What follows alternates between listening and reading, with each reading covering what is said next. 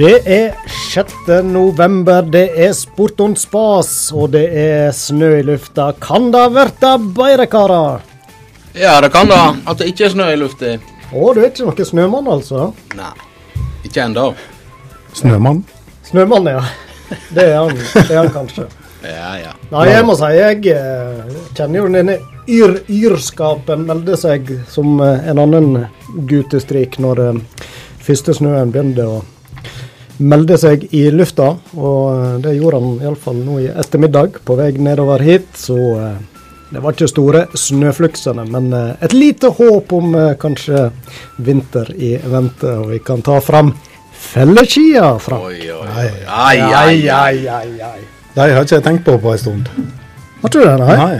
Nei, jeg men- Jeg tror vi har glemt å nevne dem òg et par episoder.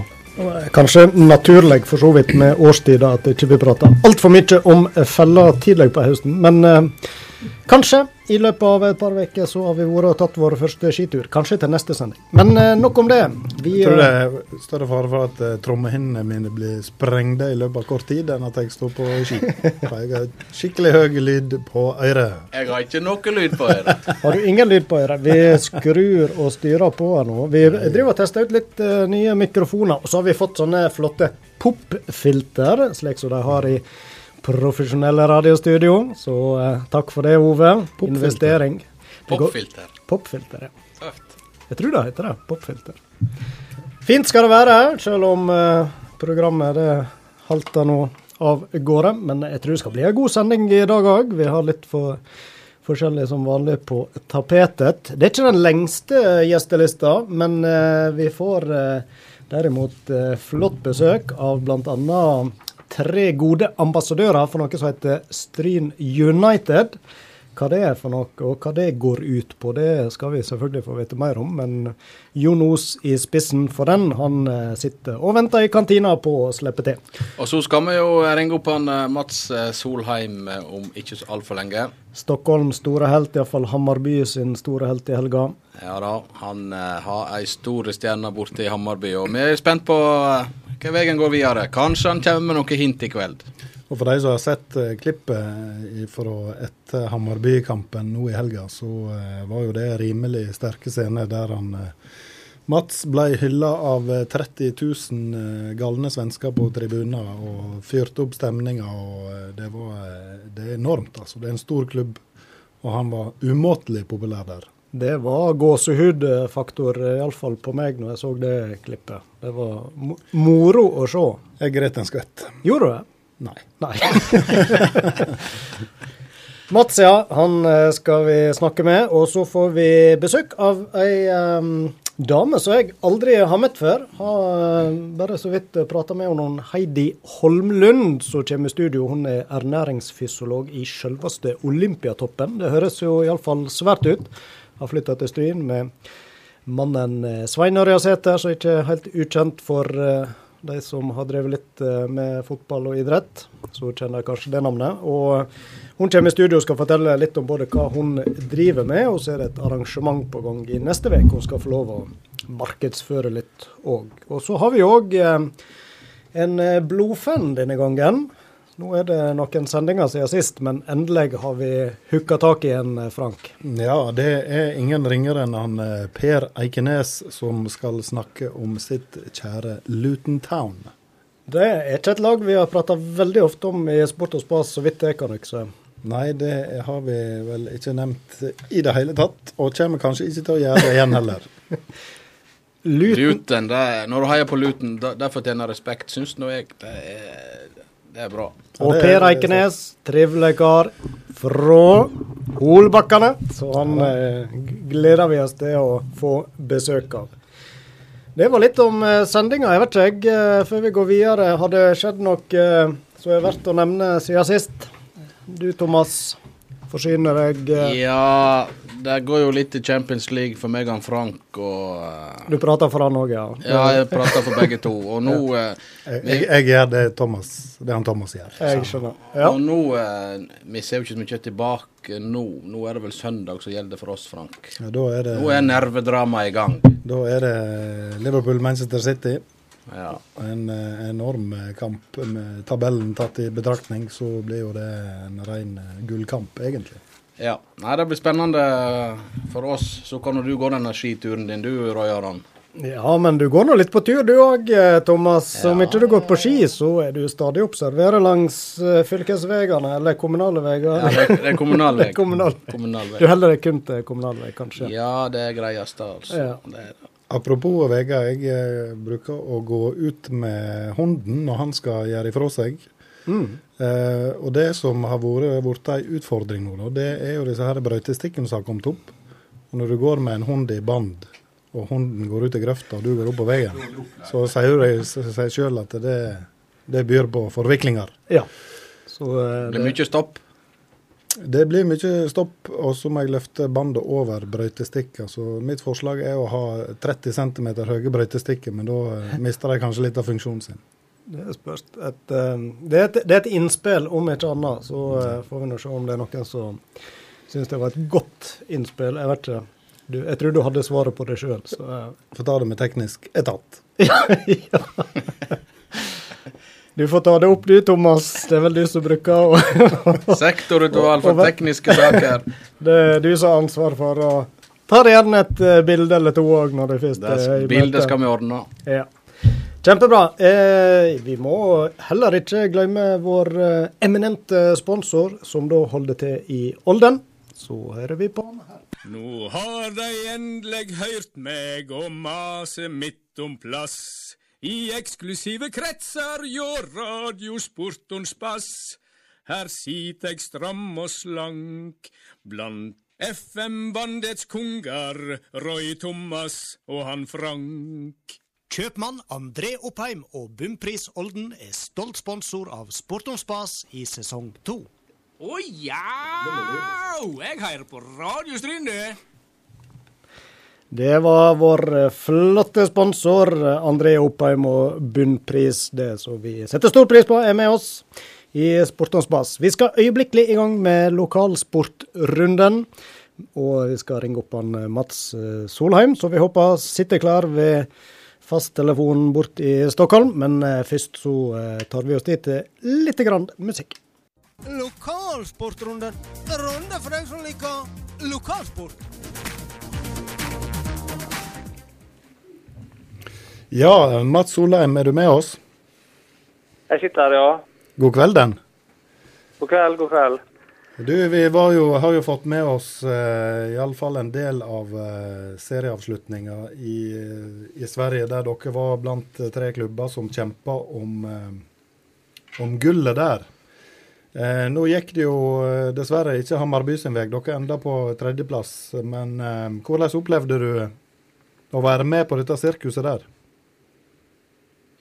Nei, det har vært fantastisk spennende egentlig eh, hele høsten. Eh, men eh, det var noe ekstra spesielt den siste kampen. og Vi trodde vel at vi skulle kunne, kunne gå hele veien til topps, men eh, det var jo ikke helt opp til oss sjøl.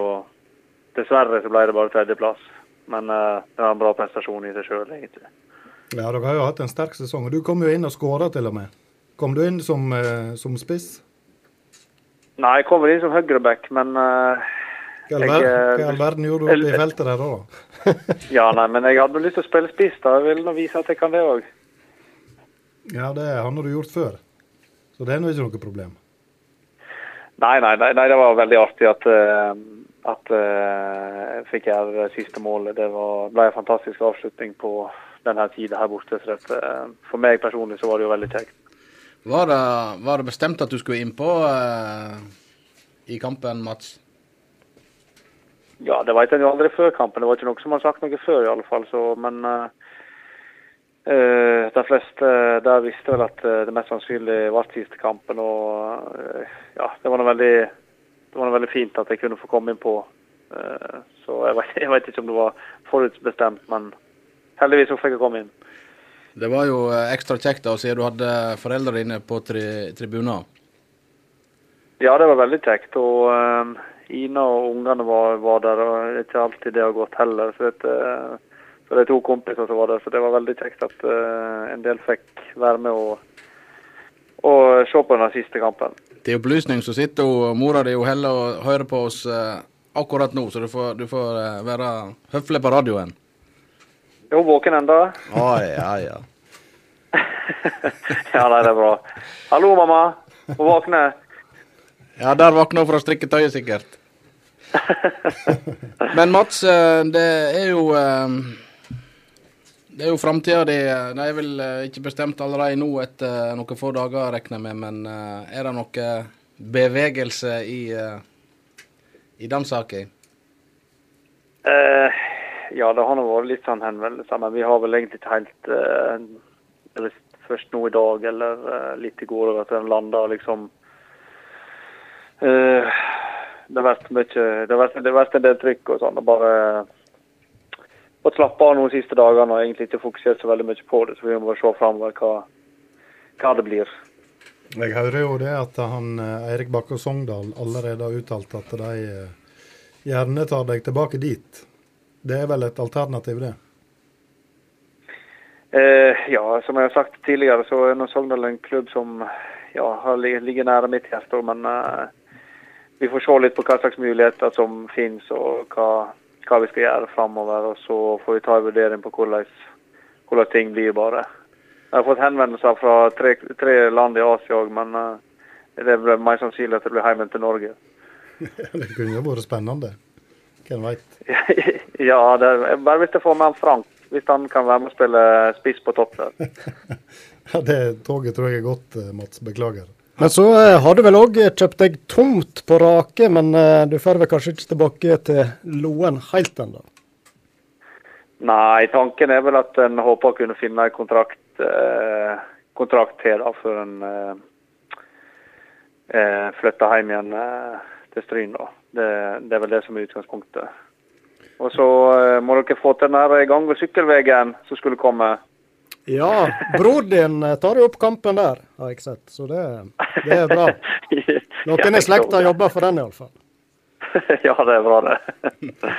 Men du, han Øystein Hesjedal som nå er blitt eh, trener for Stryn, han var jo og besøkte deg i Stockholm i sommer. Var han ute og prøvde å lokke deg til heimbygda allerede da? Ja, han ville jo signere meg, da. Men eh, jeg, jeg sa når jeg var fortsatt under kontrakt, så vi fikk ta det etter sesongen. Ja. Vi ser, jo, vi, ser på, vi ser jo på Facebook Mats, at både Loen og Oppstryn har vært nevnt som alternativ for deg. Er det aktuelt? Kan du si noe om det? Ja, alt er aktuelt. Alt er aktuelt, ja. Men for, forutsetter vel at Loen stiller lag? ja, det var en forutsetning, da.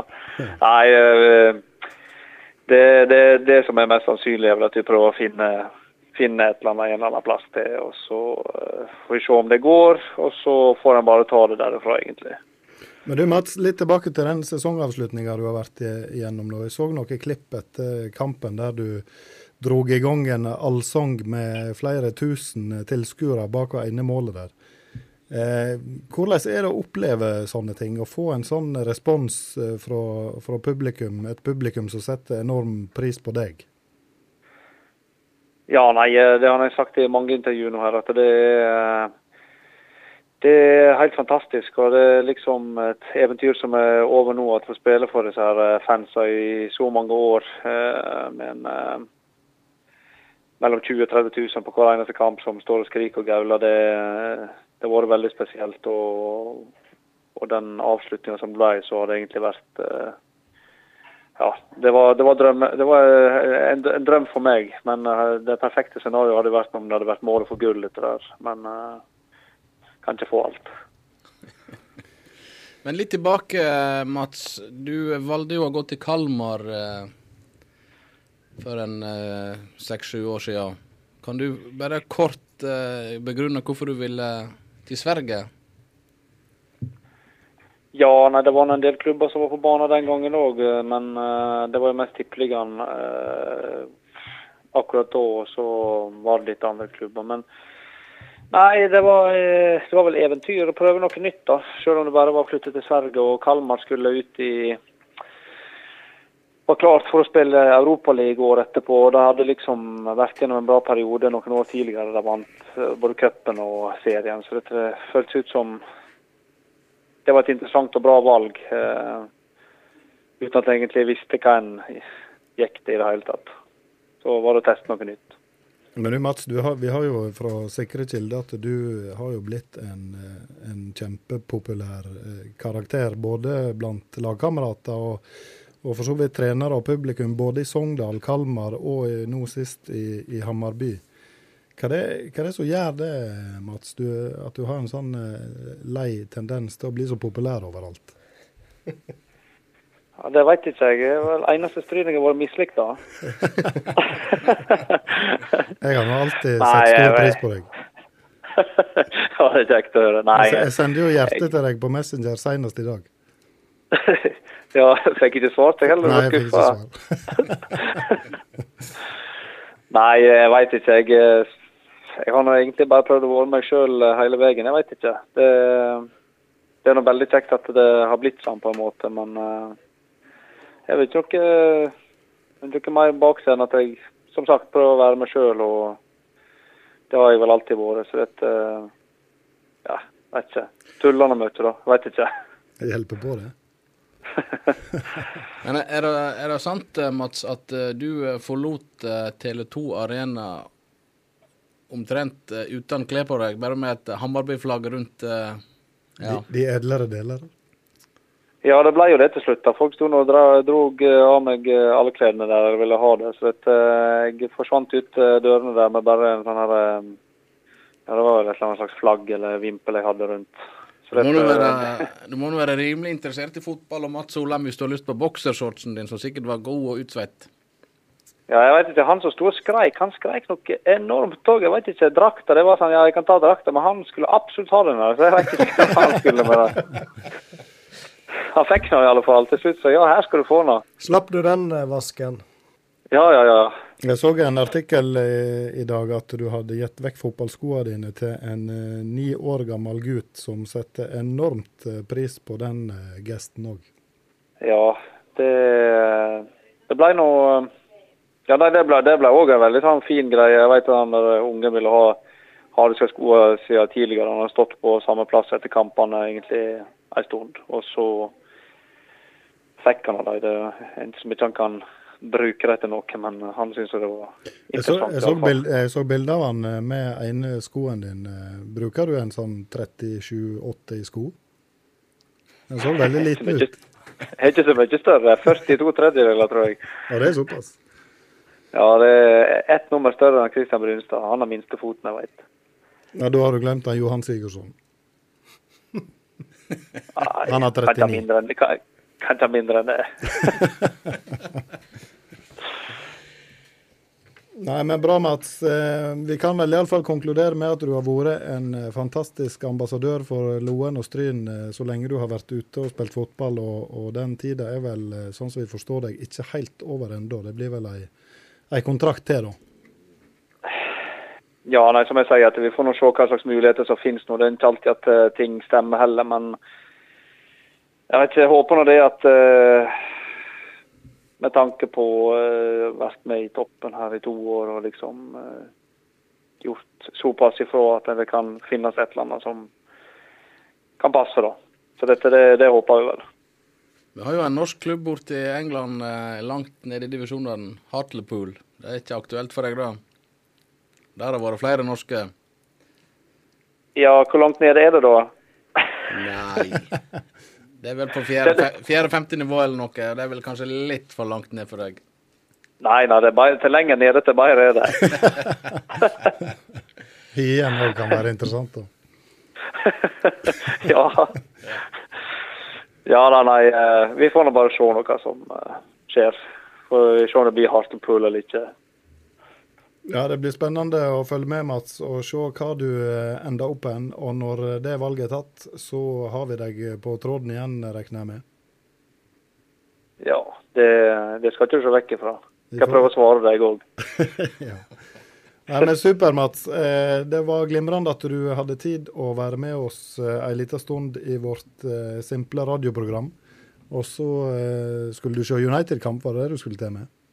Uh, ja, eh, jeg skal iallfall ta opp eh, kampen i morgen, så jeg kan se den på fredag. Det er i morgen, det? Ja. Det blir an, an, an, antakeligvis ikke så mye å se. Nei, det jeg vet ikke, jeg må ikke gå inn, Vi må ikke begynne å snakke om United nå. Det, nå, var det, nå, nå, nå, var det så kjekt. Vi gir oss mens leiken er god, ja. Det synes jeg var et eh, godt forslag. Eh, tusen takk igjen, Mats, for at du eh, var med oss, og lykke til. Så følger vi spent med vi når litt mer konkrete opplysninger dukker opp. Så tenker jeg lokalavisa skal skrive om det òg, vet du. Ja, nei, men det, det høres bra ut. Flott. God kveld til deg. Da eh, skal vi eh, ta oss litt eh, videre her i lokalsportrunden. Vi skal vel kanskje litt mer tilbake til heimlegetrakt, Thomas. Fra storbyen i Sverige så må vi vel mer ned på lokalsportnivå. Ja, det lytter vi. Jeg har lyst til å snakke litt om det som skal skje på, på søndag ute på Stryn stadion. Da eh, er det en eh, svært interessant eh, kvalikkamp i fotball til andredivisjon. Stryn mot Loddefjord.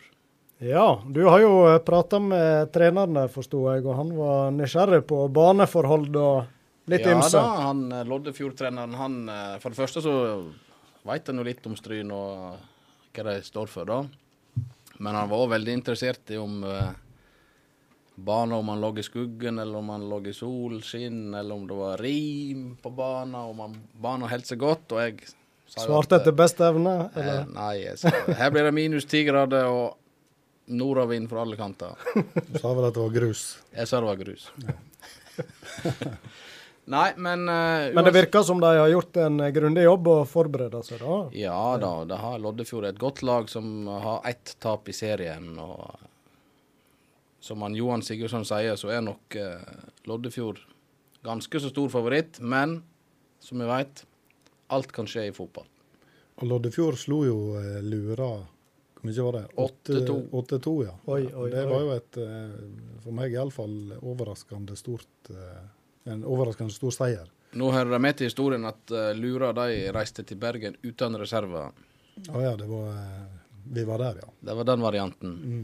Og de fikk bruk for reserver, eller? Det høres sånn ut. Det kan Kan hende. høres sånn ut, ja. ja. Nei, men det blir spennende. Oppfordringa er vel eh, rett og slett at uh, her må en gå mann av huset og stille opp. Ja, det syns jeg at laget fortjener. At uh, her kan vi godt uh, komme flere hundre. Det blir spennende. Søndag på Stryn stadion. Har du tidspunktet? Thomas? 14.00. 14.00. Yes. Da må folket stille opp. Ja. Ellers så eh, var jeg inne i Håndalen eh, 31. oktober. Eh, han Sønnen spilte kamp. Og eh, så kom jeg litt i prat med litt Håndøl eh, angående situasjonen til fotballen der borte. Om de reiser til Sunnmøre, eller om de reiser Eller blir værende i, i Sogn og Fjordane. Det er ikke bestemt ennå. Og kretsen sier òg at eh, det er klubben sjøl som avgjør om de vil til eh, Sunnmøre fotballkrets eller bli værende her i fylket. Så Ja. kanskje jeg var vitne til det siste lokaloppgjøret mellom Håndalen og Stryn. I seriesammenheng. Og kanskje ikke. Og kanskje ikke. Det får vi vite på nyåret. Ellers så er det vel eh, det er vel liksom mellomsesong nå. Vi venter på at eh, vinteridretten skal dra i gang for fullt eh, neste helg. Altså ikke om tre dager, men om halvannen uke. Da skal jo bøerne i sving på Sjusjøen. Så det begynner vi å telle litt ned til at vintersesongen er i gang. Og så er det vel òg først neste helg håndballdamene sin første heimekamp. Neste helg, ja, da er det jo rett på lokaloppgjør mot Eid. Ja, så det er noen godbiter nå eh, framover. Skjedde det mer i helga? Det var ikke en Haugen som var ute og sprang maraton, eller? Nei, Nei. det var ikke det, altså. Ellers har jo Stryn fått et par klubber som er blitt eh, kretsmestere i fotball. Ja, det, Gutter 15-17. Eh, damelaget, selvsagt. Og jenter 14. Og så Frank har jo eh, ditt samarbeidslag Veten Harbag Stryn spilte KM-finale. Ja, de vant jo sin sjueravdeling og spilte en kvalik med hjemme-bortekamp mot Svelgen, der de til slutt eh, tapte. Mot et veldig forsterka Svelgen-lag. Og nå hadde jo òg eh, Veten Harbag gjennom samarbeid med Stryn muligheten til å forsterke sitt lag Eh, det valgte han Jon Rune Heimlid ikke å gjøre, som jeg syns han gjorde helt rett i. Han spilte med de spillerne han har brukt hele sesongen. Det gjorde ikke Svelgen. Og eh, det er vel mye av grunnen til at eh, den KM-tittelen enda i Svelgen. Men uansett eh, godt gjort av Veten Harbag Stryn å komme så langt som de gjorde. Ja, de har hatt en kjempesesong. Så all, all, ære, all ære til han Jon Rune og gjengen der ute. Veldig bra. Da har vi summert opp sånn røftlig det som skjedde de eh, siste par ukene siden forrige sending. Da skal vi øyeblikkelig få de første gjestene i studio. Ambassadørene for Stryn United de sitter klare. Og mens de beveger seg inn hit, så eh, spiller vi litt musikk.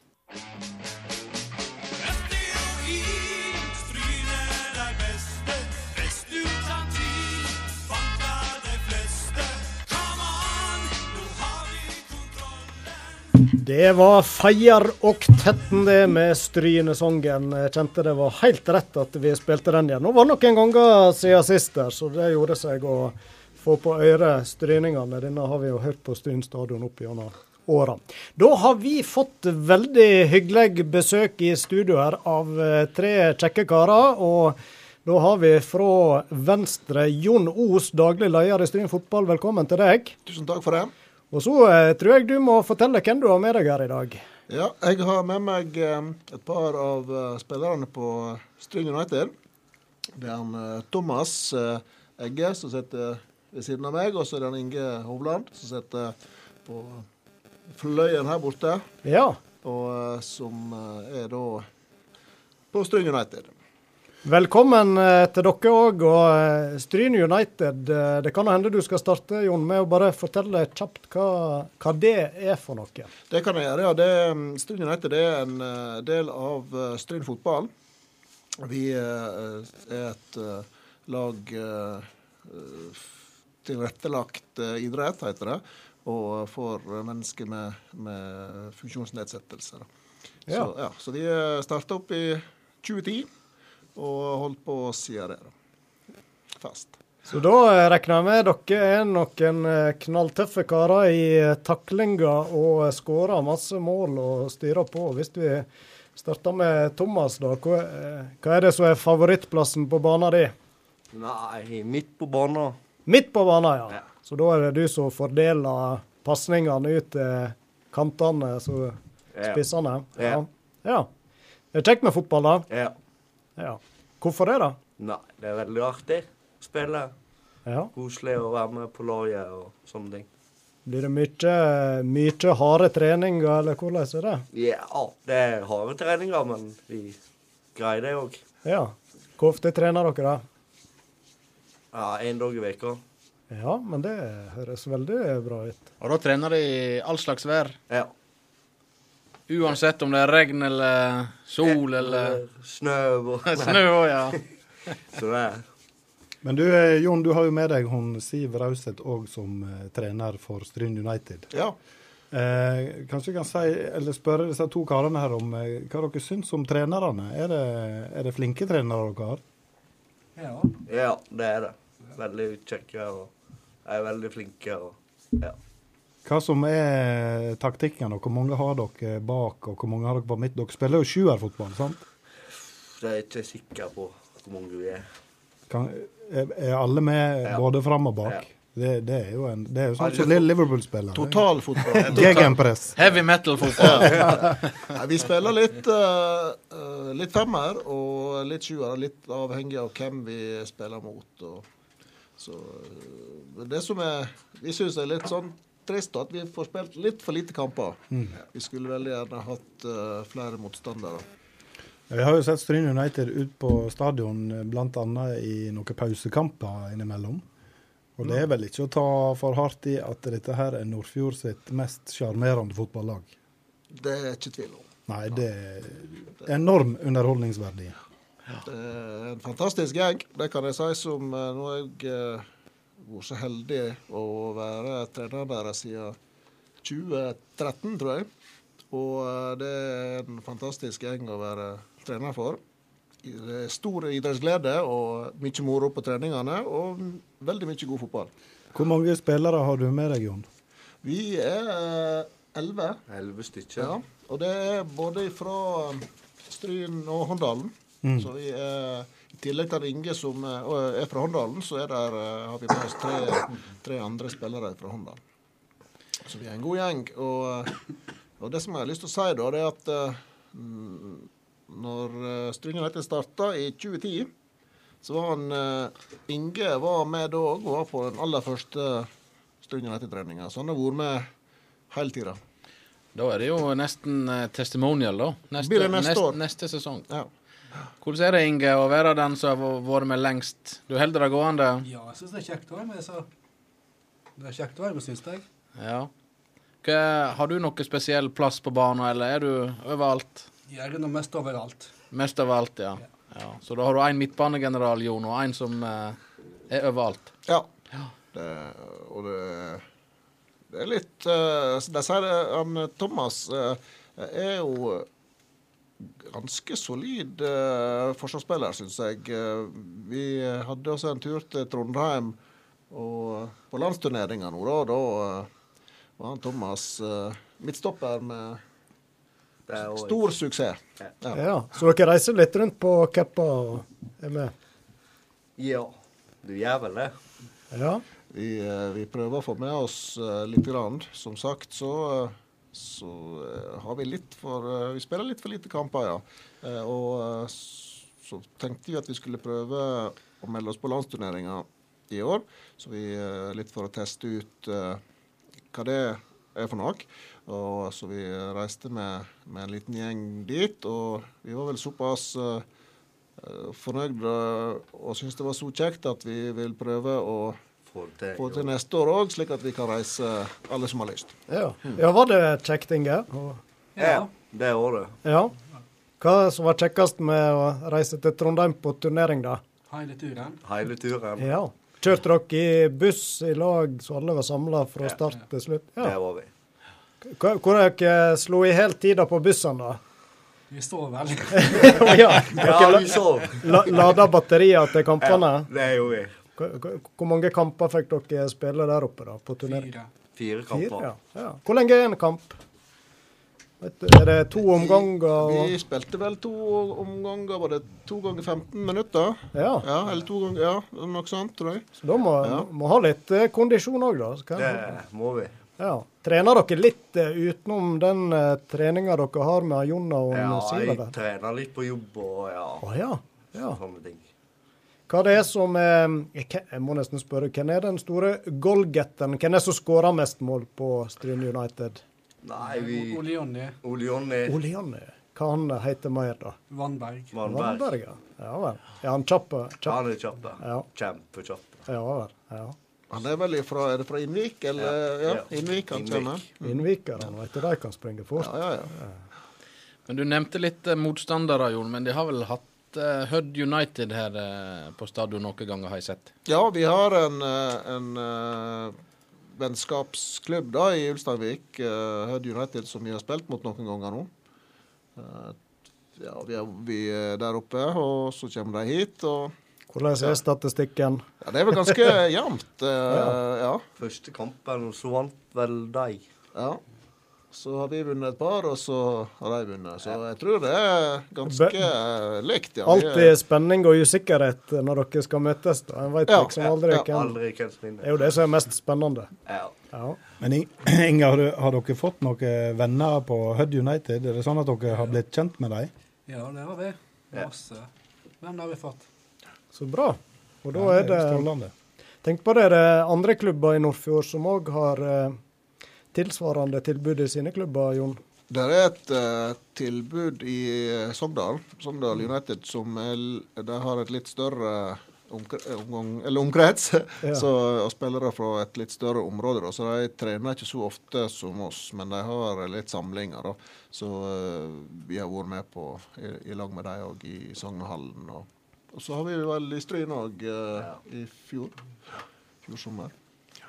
Vi sporer jo hvem som var den store målskåreren, men ofte i lag så er jo der en eh, klovn, en en som lager litt ekstra ablegøye, bruker det å være i garderoben eller på banen. Har dere en eh, klovn på dette laget òg?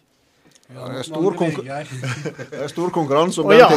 Det, det er det. Så Hvem dere sa som kanskje utmerka seg der? Margeberger. Å ja, ja, ja. ja. Han, eh, Frank, Pedersen, ja, han han en- Frank har jo eh, måttet merke hans sin eh, Men det er vel mer i dommersammenheng Ja. at Magne Birger har virkelig varta opp med både gule og røde kort til deg. Han Frank. eh, dømte jo 17. mai-kampen nå i år, og da fikk jeg først rødt kort før jeg var kommet inn på banen, og så fikk jeg to røde kort til etterpå. Så eh, tre røde kort i en og samme kamp der. Det var en ny personlig rekord for min del, iallfall. Det som eh, jeg har lyst til å si nå, nå, nå, nå eh, når vi snakker om han, eh, Magne Bjørn, så eh, har han faktisk 40-årsdag i dag. Oi. Oi, oi, oi. Eh, Så vi tenkte vi skulle sende ei hilsing eh, til han. Jeg eh, regner med at han kanskje hører på. Ja. Og, eh, eh, så han eh, blir 40 år i dag. Da må vi gratulere så Ja. mye her fra Sporton Spa-studio til Magne Birger. Det er 40 år. Det, det må feires. Det må feires, ja. ja. Og da Applaus på veien òg. Veldig bra. veldig bra. Og, tror du eh, Jeg tror vi skal slenge på ei T-skjorte til Magne Birger. Ja, det, det, det skal han få i morgen på trening. Ja. Så Og, eh, oh, ja, vi- dere trener sesongen er ikke Ja, over? nei, vi, nå trener vi inne i eh, gymsalen inne i Bør også. Vi, ja, vi trener hele året. Liten eh, pause når det er sommerferie, da, slik at vi kan få gjøre litt andre ting. Men men eh, De får vel lov å feire jul, disse karene. De må vel ikke trene i Nei, men vi, vi legger jo opp til treningsprogram, og så så de skal da følge i, i julen. Egen, egentrening. Egen trening, det er viktig. Ja. Så, nei, vi, vi har lyst til å hilse til han Magne Birger og si at vi er veldig glad i han. Og eh, er glad for at han er på vårt lag. Eh, og han òg var med når vi starta opp, eller de starta opp i eh, 2010. Han var en eh, på første treninga. Han og han, eh, Ivar Ulvdal var med, og han Øystein Flo var med. Ja. Og Per Jarle. Så da var det Hanna Tenden som var trener. Så du har en ganske stabil spiller Ja, ja det har kommet litt flere til eh, etter hvert. Eh, så nå er vi elleve. Men eh, ja, så det var en, eh, Inge Mathias eh, og Nils Petter da, som starta opp i sin tid. Og Hanna Tenden og Elise Lunde. Og Kristian Holko var trener det første året. Mm. Jeg tenkte når vi var inne på han Magne Birger, spørre deg, Inge. Han, han er jo veldig glad i å dømme. Eh, Men når han er på trening med dere, er han da spiller, eller er han dommer, eller hva rolle har han da? Han er dommer. Han dømmer på hver trening. Ja, vi har dommer på, på treningene våre. Ja. Er det såpass gjennomført da at det er med dommerdrakt og gule og røde kort og Ja. hele pakka? Det er selvfølgelig. Er det mye kort? Mye røde og gule kort på trening? Ja. det er det. Blir det litt for mye, eller? Nei. Av og til. Men Men du får vel slippe inn igjen på, så ikke du, hvis du blir tidlig utvist på treninger, det blir det kjedelig trening da. Hvis du ikke ja, vi slipper fort inn på igjen. Ja, men det er bra. Ofte så er det fortjent eh, kort òg. Oh, ja. Magne Birger er jo en av, de, en av de få dommerne i Nordfjord som praktiserer VAR. Eh, Så der er jo han langt framme teknologisk eh, sett. da. Det er jo ganske imponerende. ja det er... Man må henge med i tiden, så Ja, det er bra. absolutt. Men dere gutter, jeg, jeg vet, vi spurte vel ikke om det i stad, kanskje, men hvem, hvem er den råeste spilleren på Stryn United? Og Siv. Er det sklitaklinger? Ja, det er litt det òg. Ja. Og, og Siv er vel ikke så glad i å tape, sikkert. Nei, det er sant. Her nikker de veldig. Siv hun er med og spiller sammen med dere, altså. På trening. Og hun er samtidig den råeste spilleren på banen. Ja. Du verden. Og den dårligste taperen. Ja. Ja, det- det òg. er, det, er det både jenter og gutter på samme lag, eller Ja. deler Ja. Vi har med oss to jenter. Mm. Eh, Isabel og Ingvild. Uh, så eh, ja, Isabella har jeg sett på Stryn stadion ofte. Hun er jo en uh, Stryne-supporter. Absolutt. Ja. Ja, Så hun er ofte på kamp. på, på seniorkamp. Ja. Følger dere karene med litt på fotball ellers òg, eller er det mest eh, Stryn United, og så eh, er ikke fotball så viktig ellers? Eller? Prøv prøv å se, se litt sånn av og til. Ja, Hva du liker å se på da? Er det landskamper eller noen klubber du holder med? Ja, jeg holder med Brann, jeg. Å ja. Ja, ja, ja. Er du fornøyd med årets sesong? Ja. Har du drakt òg? Nei. Nei. Nei, men det Har du vært på Brann stadion, Inge? Nei. Ja, da syns jeg eh, det må du få til, veit du. Brann United, det er ikke også etter det, da? Ja, Kanskje kan det kunne vært hende, noe? ja. Toppa det med det en gang og reiste Inge, det hadde vært tøft å reise til Bergen og spilt mot Brann United på Brann stadion. Ja. Ja, det er jo tøft. Ja, det, det er jo et uh, Kan det være et, noe vi må jobbe for i uh, jubileumssesongen vår, som da blir neste år. Ja. Ble- Ja, nå fikk de ideer. jeg vet ikke om vi skal allerede nå sagt det på lufta òg, så Ja, ja, ja. Jeg vet ikke om vi skal ønske god tur allerede nå. Dere skal nå få lov å tenke litt på det. Men da har vi iallfall planta ideen, og da vil vi nå gjerne få en rapport når det, hvis den tid kommer. Det var iallfall veldig kjekt å få besøk av dere i studio. Eh, før dere forsvinner, når vi skal spille litt musikk nå, så må dere få med hver sin sånn Sport on spa-T-skjorte. Så håper vi at dere av og til bytter ut strynedrakta og kan eh, kanskje trene i den òg. Ja, ja, ja. Ja. Så eh, tusen takk for besøk, og så må dere ha masse lykke til med treninga både til treneren og Inge og Thomas. Tusen Og resten av gjengen. Helse resten av laget, det må dere gjøre. Takk for at vi kom. Tusen takk for at Ja, takk for at vi fikk komme. Helt i orden. Ha en god kveld videre. Hei. that what we got is all Ja, det var Julie Bergande som kjeda seg. Bård Songhorn. Da har vi fått uh, nytt besøk i studio. Jeg vet ikke om det er bare å rydde vekk uh, godsakene her. Eh, Vi har nemlig fått besøk av en ernæringsfysiolog. Velkommen til deg, Heidi Holmlund. Tusen takk. Må legge til at vi har druer på bordet. Ja, vi har druer. Et lite sunnhetsalibi der. Ja. Ganske variert her, vil jeg si. Du syns det, ja? Ja. Men jeg vet ikke, er det sånn, er det litt sånn yrkesskade at en skanner liksom litt bordet når en kommer inn og Jeg tror alle tenker det om oss som jobber med ernæring, at nå må vi passe på. Så jeg vet at jeg har eh, eh, mange jeg jobber med, de eh, skyr meg når jeg møter dem på Rema eller på Kiwi, for de er redd for jeg skal kikke opp i, Ja. opp i kurven deres. Men nei, det er ikke noe, det ikke noe yrkesskade, det, altså. Nei. Nei. Ser, så det ser greit ut, Ja. det er innafor. Du vet, Vi er veldig opptatt av det som heter KOS-tilskudd. Ja, hva som ligger i det? Det er nettopp det du har der. Det er litt viktig å kose seg også. Ja. Mm. Kos-tilskudd, den, den, Den må vi- den må vi notere oss. Ja, veldig godt ord. Men Det, eh, du men det, det er lov på en onsdag òg. Ja, av og til så er det greit. Og spesielt på sånne anledninger som det her, da. Lille lørdag. Ja, det er det jo. Men du Heidi, du eh, jobber altså i um, Olympiatoppen, og det høres jo veldig svært ut. Kan du fortelle litt om hva jobben går ut på? Ja, da er jobben min som ernæringsfysiolog der. Det har, jeg jobba der i 13 år, så jeg har gjort veldig variert, egentlig. Jobber med mange forskjellige typer idretter. Men primært så har det vært langrenn og skiskyting.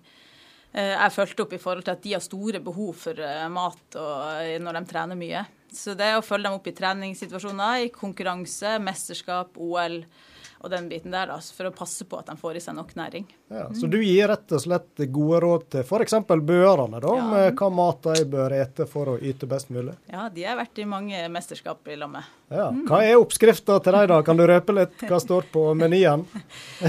Eh, jeg kan eh, si såpass at de har et utrolig variert og bra kosthold. Og så kan jeg si det såpass at eh, eh, Johannes måtte på ett tidspunkt eh, ta bort Pringles-røret. Eh, Når han hadde tenkt å skulle dra til litt eh, i, og bli enda mer seriøs, som han også Han er, helt fantastisk utøver, begge to, da.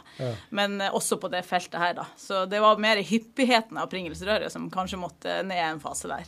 Så kosen, den, den er litt mindre av det der på det nivået, eller? Nei, det er det faktisk ikke. Altså det er klart at Der er det jo stort rom for også faktisk å kose seg, for de har så store energiuttak. ikke sant? De trener mye. Så eh, det er, der er det også rom for eh, både bra mat, og, og, men det er også ganske mye kvantitet i maten. Det er ganske store mengder som må inn. Så i perioder så er det rom for eh, også kos der, for å si det sånn. Men, vi, men eh, hvis han uh, Tarjei eller Johannes skulle bli dårlig i magen i, under et mesterskap, føler du et eh, Ja, jeg føler et ansvar. Føler et ansvar, ja, ja. ja, det gjør jeg. Jeg har vært i ett Tour de Ski der eh, nesten alle ble eh, magesjuk eh, før siste bakken i Tour de Ski. Jeg tror det, ja, det var i eh, Jeg husker ikke hvordan år det var, kanskje 2010 eller Og det var helt grusomt. Altså, Morten Djupvik også, som er fra området her, han lå helt, han lå flat. Det var ikke mulig å få han opp av senga. Og han Tor Arne Hetland som skulle opp og vinne denne sprinttrøya på toppen av bakken, han kasta opp hele veien på tur til siste bakken. Og da har vi jo på en måte identifisert at vi tror det er tacoen de har spist dagen før. Og jeg, jeg var altså så svett at svetten rant nedover ryggen. Og vi var jo bare nødt, vi som virka i, i det støtteapparatet, måtte jo uh, virke. Så vi måtte liksom uh, kjøre Jeg måtte kjøre minibuss, for det kunne ingen andre gjøre. For de lå og spydde på rommet. Så du hadde ikke spist av tacoen? Nei, jeg vet ikke hva som egentlig har skjedd, Nei. men vi, vi har Altså, det er jo det er aldri, Du finner aldri helt årsaken, men ja, da, da Det er kanskje en av mine verste dager på jobb. Hadde jeg hatt ansvar da, hadde jeg gått på nærmeste pub. Og jeg skal love deg at det var ikke langt unna at jeg tok første flyet hjem. Men det er kanskje på linje med hvis det er en sånn skikkelig smørebom, da. Ja, ja, det er litt sånn. Du føler ansvaret for det, altså. Så eh, vi, eh, vi må Men jeg, så litt av jobben min er jo ikke da å lage mat, men jeg har på en måte ansvar for de som lager maten. ikke sant? Jeg skal Mm. spare med dem i forhold til hva slags mat som skal lages. Så f.eks. i OL, eh, i vinter, det vinter-OL, som har på en måte vært mitt primære eh, arbeidsområde, så, så hadde jeg jo ansvar for fem kokker som skulle ordne maten til alle utøverne. For, eh, og da har jeg, føler jeg på ansvaret, ja. Mm. Men er, kan du si noen litt sånn suksessingredienser i et måltid til en toppidrettsutøver? Hva, hva er sånn typiske ting som de må ha i seg i løpet av en dag eller en uke? Det, det er jo det som er litt sånn spennende da, i jobben min, at det blir litt avhengig av hvor den idrettsutøveren er i sin periodisering av treninga, som vi kaller det for. ikke sant? Har de veldig mye hardtrening, så må de ha mye mer av de der bensinen, altså karbohydratene i maten, som pasta, ris, brød, korn. Men har de en mye roligere trening, så må de på en måte også dra ned den biten der. ikke sant? Så de, de, akkurat som de periodiserer treningsøktene sine, så periodiserer de maten. Så de er ganske sånn sofistikert i, i måten de, de legger opp løpet sitt på. Da. Så, og da er det jo også veldig stor forskjell fra en langrennsløper til at jeg også følger fotball og håndball. Ja. fotballjentene fotballjenten og håndballjentene og, og håndballgutta. Og har du en 120 kilos eh, håndballgutt, så er det et annet behov enn en eh, noen og 50 Ja. kilos langrennsløper. Så det er veldig du, du må på en måte Det er ikke noe sånn hemmelig ingrediens. Du må prøve å skreddersy det litt. Men når du har, eh, har du ansvaret da, når du snakker om OL, for hele troppen? Ja. Ja, Det er det men- som er næringsutstyr. Men er, det, er der igjen noen sånn individuelle tilpassinger i Ja. forhold til kosthold? Ja, det er mye. Så det er ikke hjelper bare å diske opp med en uh, buffé og så kjøre i gang? Jo, det, det, de er ganske De er, de er veldig eh, opp, Altså, de er veldig De har jo gjort det her så mange ganger, så de på en måte er ganske eh, oppegående på en måte å vite hva de skal velge og hva de skal gjøre. Men vi må passe på å tilrettelegge. For at det, i det øyeblikket at stresset og nervøsiteten setter inn, så, så må ikke vi ha mangla på noe mat. Som da, da, da er det, får vi høre det, for å si det sånn. Hvis det er et måltid som er en halvtime forsinka, da er det, da er det klar melding. Men, men hvor nøyaktig snakker vi her? Er det på gram og kalorier, planlegginga, eller er det litt mer sånn Det er litt romslig? Ja, det er veldig romslig. Og det, det er egentlig ganske viktig at i, det er ingen toppidrettsutøvere som teller kalorier. No. Nei, og det er litt viktig at man ser altså klart at Jeg har studert i ni år for å bli god på kalorier og gram og karbohydrat og alle den biten der, så da er det mitt ansvar. Men de skal få mat som Altså, de skal få rådene i mat, og ikke i i mengder og kalorier eller gram eller noe sånt. De skal på en måte klare å finne en god balansepunkt på det her, akkurat som jeg tror det er viktig for hvermannsen også. At man, at man bare finner en måte å trene man mer, så må man ha i seg mer. Det er egentlig ikke så fryktelig vanskelig. Nei. Og trener man mindre, så er det ikke så store rom ikke sant, for å skeie ut. Mm. Men sånn som nå er det jo eh, verdenscupsesong snart Mm. for eh, skiskytterne. og, eh, Følger du dem òg i en vanlig Nå er det jo en sesong uten mesterskap. Mm. Følger du dem tett òg, eller er det litt Ja, mer Det som er litt artig nå, da, det er nå når jeg har flytta til Stryn, så har jo jeg måttet gi fra meg skiskyting og langrenn i oppfølging. Så nå skal jeg for første gang ikke ha noe vinteroppfølging. Her, her så skiskyting er så populært. Ja, jeg vet. Jeg må finne på noe annet å gjøre her, da. Få følge de lokale skiskytterne, kanskje. Eh, Så det er faktisk første gang på 13 år, tror jeg, så jeg ikke skal på Beito helga. Mm, og, og følge opp. For da gjør, lager vi på en måte et eh, et opplegg inn mot eh, den sesongen. da, Så at de er ganske trygge på hva de skal gjøre. Og så jobber vi inn mot støtteapparat og trenere og sånt. Så jeg er mest i mesterskap og f.eks. Tour de Ski eller de store med, med, ja, der det er størst behov for mat. da, At det er sikra inntak i. Ok, Vil du si at det, dette med kosthold er veldig avgjørende viktig, eller blir det overdrevet sånn i det store og hele? Kan du si litt om Jeg tror de beste utøverne har klart å finne en fin balansepunkt på det. Det er interessant å se at de som faktisk blir best, det er også de som er best på å fra tidlig alder treffe i balansepunkt på at det er en del av det, men det er ikke det som er aller viktigst. ikke sant? Altså Det viktigste er å trene og legge ned alle de treningstimene, og det å sove og hvile og ha, ha et bra liv ved siden av. Altså Skal du bli toppidrettsutøver, da må du ha to liv. Du må ha ett liv inne i idretten, og du må ha ett liv ved siden av.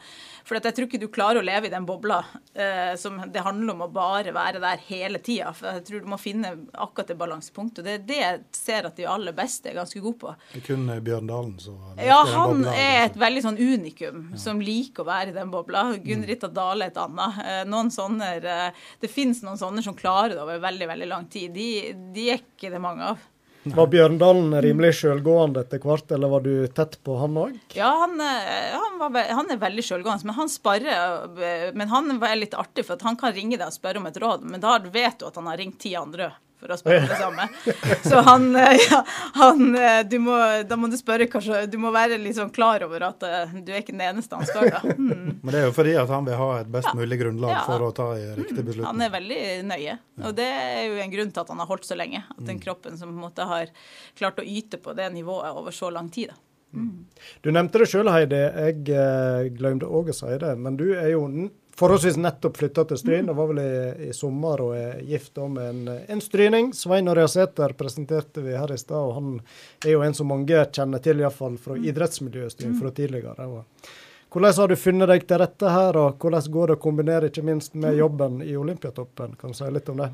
Ja, nei, det er blitt tatt imot med åpne armer, så det har vært eh, utrolig flott eh, å komme hit. Altså. Vi har jo vært der mye på ferie og har jo familie og masse venner her fra før, så det har jo hjulpet veldig. Og unger som er glad i å spille fotball og, og andre ting som gjør at det er lettere å komme inn i, i et miljø, da. Ja. Så det Nei, vi har bare blitt veldig godt tatt imot, altså. Mm. Jeg så eh, Jeg var borte i Strynehallen da den ble nyåpna her for Mm. eh, en liten stund siden. Og da så jeg du var Du hadde et, et lag. Ja, ja, ja. Jeg har engasjert meg både som fotballtrener og håndballtrener, så det tenkte jeg. det må Nå må jeg gi, gå all in. Har du noen bakgrunn fra eh, en Ja, eller annen jeg- idrett? Jeg er fotballspiller fra starten av, så Eller først var det turn, og så var det litt håndball, men det å fotballspillet hadde lengst Ja. opp i årene. Men nå har du bodd på Østlandet en stund. Ja, over halve livet faktisk Ja, på Øst, Men du er jo ikke østafor, så vidt vi kan høre. Nei, jeg er fra Narvik i Nord-Norge, men der er det lenge siden jeg har vært. Ja, men jeg fikk ikke med meg Sven dit, da. Vi er jo veldig glad for å få nye, nye folk i bygda og sånne ressurser. Så det Jeg tror ikke du snakket om det, Heidi, men hvordan er det å kombinere et liv i Stryn med jobben på Olympiatoppen? Ja. Jeg, må, jeg, jeg har gått ned til 50% jobb. Mm. Sånn at jeg ikke kan, jeg kan ikke pendle så mye som det en 100% jobb ville tilsi. Du vet Så du har det- kjøpt et uh, stort hus i Stryn nå Ja. som uh, trenger litt uh... ja. renove- Renovering. Trenger et malingstrøk. ja. Jeg vet ikke. Det er et museum, vil jeg Ja, si. ja, ja. Kjøpt et museum. Mm, ja, nei, Og så har jeg jo da fått meg 20% jobb i Stryn, da, i Frisklivssentralen her. Ja. Og Det syns jeg veldig, har vært veldig eh, kjekt. Altså, jeg og Monica Hersedal jobber der eh, med å, med å se på og prøve å Blant annet så skal jeg jobbe med å, å, å se på hvorfor uh, vi ha, Om har noen meninger om uh, årsaken til at vi ser at vi har faktisk over 30% forekomst av overvekt blant tredjeklassinger i Stryn kommune. Oi. I fjor Ja. oppdaga vi det.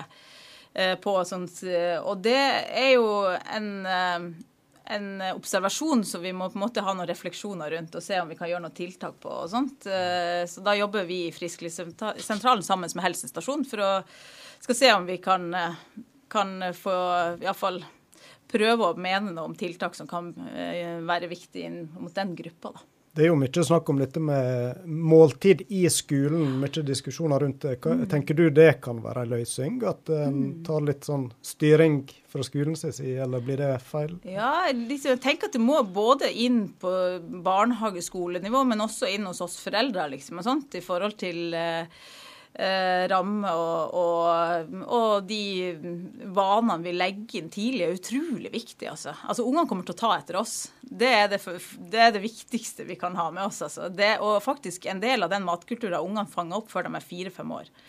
Så det er så tidlig det sitter akkurat den, eh, den kulturen der, at eh, det, vi er kanskje de viktigste rollemodellene for, for ungene våre. Skremmende. Ja, det er det, altså. Det, det, det er kjempeviktig. Så jeg tror ja, skolen er en plass. En ting som jeg oppdaga som er ganske stor forskjell fra Oslo, da, det er SFO-tilbudet, da. Eh, Der det var vanvittig mye aktivitet inn i SFO-tilbudet i Oslo.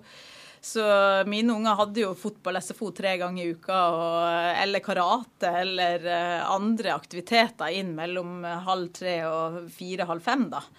Eh, Så de kunne komme hjem og egentlig være ferdig med mye aktivitet til på, på ettermiddagen. Så det, det er en, det er en forskjell da, mellom eh, storbyen og, og her. Og det, det er klart at å få inn aktivitet der, eller få den opp og måte virke, kan være viktig for å få mer hverdagsaktivitet, eller mer den eh, få ungene enda mer aktive. Da. Mm. Og der hadde jo eh, mannen din, han Svein, en, mm. et flott tilbud, en AFO eh, eh, hjemme der dere bodde i området. Han har ikke planer om å ta den med seg og starte i Stryn, da. Ja, nei, det ikke, han eh, har ikke planer om det. Jeg tror han egentlig kjente på å være litt uh, ferdig med å jobbe med små unger. Og hadde behov, har behov for å jobbe inn mot litt eldre aldersgruppe en periode. Ja. Eh, Men det var absolutt et vellykka prosjekt. Eh, Men eh, generelt sett så, nei, så det er sånne faktorer som kan være med. Men jeg tror egentlig aller viktigst at det er vi foreldre som er viktige rollemodeller for å, å påvirke ungene våre. Altså. Det med stillesitting har det jo blitt eh, mer av, selvfølgelig. Det er vel en Mm. Ja. påvirkende Ja, jeg hørte faktor. også faktisk Jeg snakka med en fra Førde. Han sa at eh, det er ungdommer i Sogn og Fjordane har slutta å kjøpe tjukkjakke. Altså, De har ikke dunjakke lenger, fordi at de jo bare, kjører jo bare bil. og, det, og da tenkte jeg at og det, det kan jo òg være en faktor, da. ikke sant? Altså At vi har mye mindre hverdagsaktivitet. ikke sant? Og det er jo mange det er jo, det er jo det at det er jo en generell trend over hele landet, tenker jeg. eller sånn, Så, så man må på en måte være bevisst. da. At man kanskje ja, bruker eh, bein og sykkel og andre ting litt mer, da. Så tenkte du òg kunne få lov å si litt om et arrangement som er nå i neste uke. Du og han, eh, Mathias Lilleheim, han òg har jo har kanskje vært en kollega av deg i Ja, vi har Olympiatoppen? uh, jobba med langrennsjenten blant andre i mange år. Mm. Ja, så dere skal ha eh, litt foredrag, forsto jeg. Mm. Var det på tirsdag? Ja, nei, mandag. Mandag. eh, mandag eh, ja, halv seks eller halv sju. Det er jeg ble plutselig litt usikker på. ja. Hva går det ut på? Eh, da er jo han, Mathias han er jo en utrolig dyktig eh, fysisk trener. Altså Han kan mye om trening. Så han skal ha litt innspill på hvilken type trening som er viktig for å på en måte holde kroppen ved like. Fra vi er, eh, helt ifra vi er ungdommer. Altså hvis vi har lyst til å bli, altså For ungdommer som har lyst til å bli flinke i en idrett, eh, til at egentlig også for eh, hvermannsen, til at de kan eh, få enda mer ut av av, hel, altså på helsenivå. da. Så funksjonell trening skal han snakke om. Og så skal jeg prøve å bidra litt i forhold til min erfaring og kunnskap på hva slags mat som vil være viktig. Eh, og da er det jo igjen da viktig å skille mellom hverdag og fest igjen. ikke sant, og sånt. Altså Det er de der, eh, det generelle. Har man grunnpilarene på plass, så er det liksom, eh, kan man kose seg innimellom. Men det er de grunnpilarene jeg skal si litt om. da. Og dette er et møte som er åpent for alle, eller? Mm. Åpent for alle. Det er Stryn idrettsråd, som kaller inn, og det er åpent for alle som har lyst til å lære litt om eh, mat i forhold til trening, og funksjonell trening fra Mathias. Mm. Kan du røpe litt for lytterne av Sportons Spas hva du kommer til å prate om der? Noen ja, Det blir jo noen røverhistorier fra et langt liv på tur med mange idrettsutøvere, som uh, sier litt om hvordan uh, de har løst uh, matsituasjonen, og noen eh, artige historier vi har vært oppi. Eh, i forhold til det. Og så, og så blir det jo eh, litt om hvordan Altså prestere bedre i eget liv, liksom. og sånt. Om det er noen små, enkle grep man kan, eh, man kan gjøre. F.eks. sånn at eh, spiser du en pose potetgull, så er det det samme som 23 poteter. Eh, Så det er ikke så mange som spiser 23 poteter, men det er veldig lett å spise en pose potetgull. Så jeg skal vise noen sånne litt eh, eh, interessante sammenligninger på hvordan vi kan ta noen enkle grep i forhold til hverdag og fest. Føler meg truffet. jeg Så du da, Frank, at uh, dette trefte deg? Jeg tenkte på en ting. Har du et eksempel på en utøver som hva skal jeg si, har nådd overraskende langt til tross for kostholdet? Mm. Har du noen eh, Ja, det, det tror jeg hun, den utøveren kommer til å være helt enig i. Det er jo, jeg jobber som jeg sier med både håndball og fotball, men eh, Camilla Herrem eh, er kanskje den utøveren jeg kjenner som har nådd aller, aller lengst med et, Til tross for? Til, til tross for et daglig inntak av ganske høyt konsum av cola og andre typer enkle sukkerarter. Mm. Ja. Og det, for folk flest så eh, er ikke det suksessoppskrift. Eller Nei, det tror jeg det, hun, altså, Igjen, da. Jeg tror vi Det handler om nettopp den moderasjonen. Altså det der at vi gjør ting litt sånn eh, Det vi gjør hver dag, er det viktigste. Og så kan vi finne en eh, balansegang på å bruke eh, de, alle de der gode godsakene og belønninger sånn en gang i ny og ne.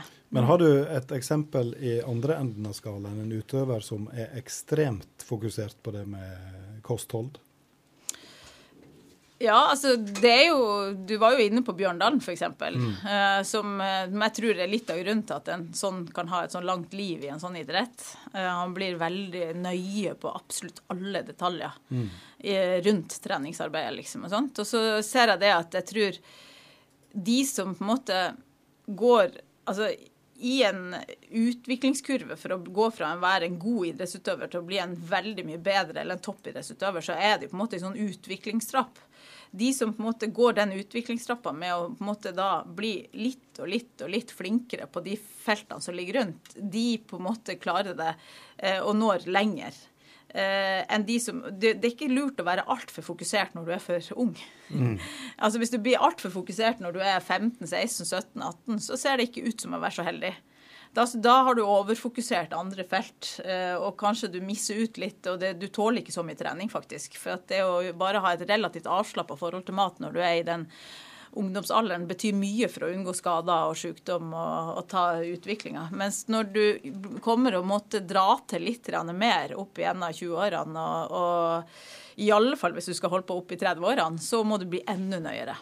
Så det er det som det karakteriserer, det ser vi på alle utøverne. De blir nøyere og nøyere i kvalitet, og mer og mer kvalitetsbevisste. Men det er vel litt sånn at når du nærmer deg toppen av Mm. eh, ja, ambisjonene dine, eller verdenstoppen, Mm. eller hva det måtte være, så er det jo de små detaljene som ofte avgjør om du klarer å ta det siste steget helt opp. Mm. Og da er vel eh, dette her med ernæring en bit av det. Altså det, jo, eh, det må jo være viktig, eh, en viktig del av det å, å ta det siste steget. Ja, nei, det er et veldig, veldig viktig del av det, altså. Å, å ta det siste steget. Så det er klart, du kommer deg ikke Du kommer deg ikke du, du kommer deg nok ikke helt til toppen. Iallfall i en idrett der det er en mer direkte eh, relasjon mellom det du putter inn og det du får ut. Altså, ikke sant? Altså, det er jo det jeg mener sånn i en utholdenhetsidrett som en langrenn, skiskyting, eh, så er det helt, helt avgjørende. Så er det jo en idrett som fotball eller håndball sånt, det er veldig mange andre faktorer som betyr noe. Der kan det ha vel så mye bety i forhold til det å, ikke, å unngå skade.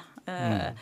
og på en måte få en eh, Å unngå på en måte eh, at kroppen ikke tåler den belastninga når den begynner å bli eldre. Da, ikke sant? Eh, Det kan være vel så viktig som det å på en måte nå ut og ta ut alle prosentene. Eh, Jeg tenkte, jeg tenkte, når du sa dette med å, å være skada Nora Mørk i håndball, eksempel, Mm. som uh, har fått veldig mye skader. Mm. En, en person som er skada over en lengre periode, Mm. bør den bare fortsette med sitt matinntak som uh, om de var på topp eller friske og raske?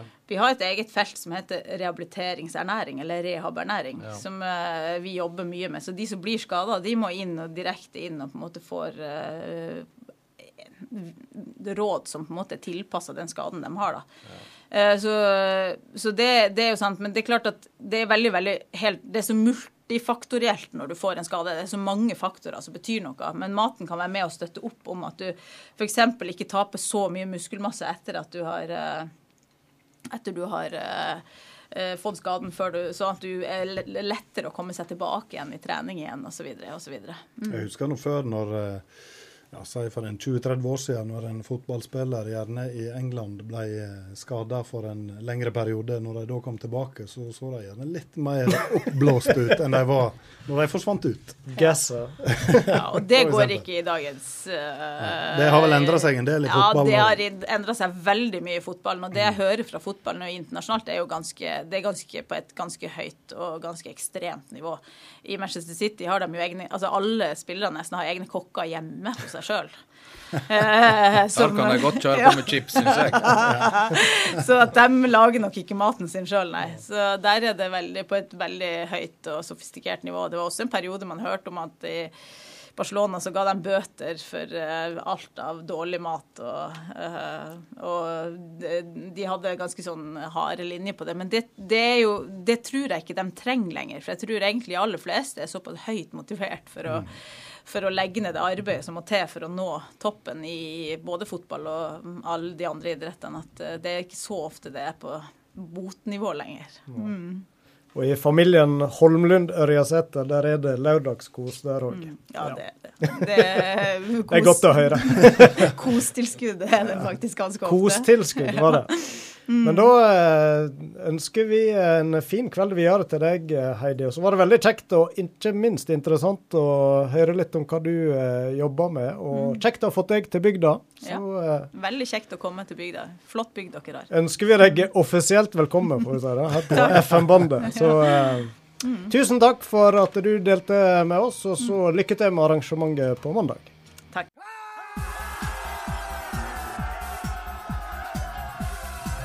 Vi presenterer kveldens blodfan.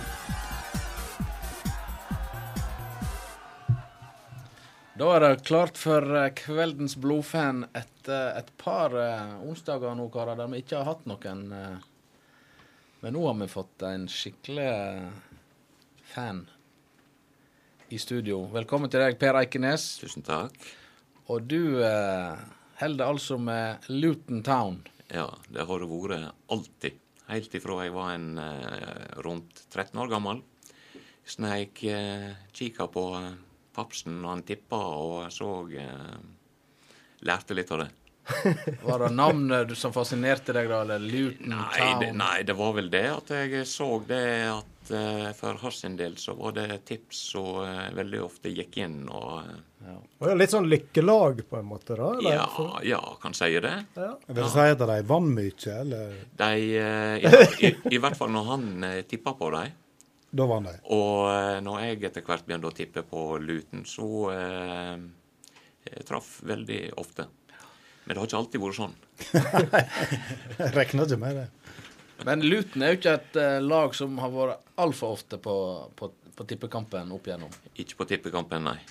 Men det er jo én legendarisk kamp, eh, mener jeg, fra 80-tallet med Sølve Grotmål som eh, kommentator. Eller var det Terje Dalby? Det er ikke helt sikkert. Men det var i hvert fall 7-4 mot Oxford.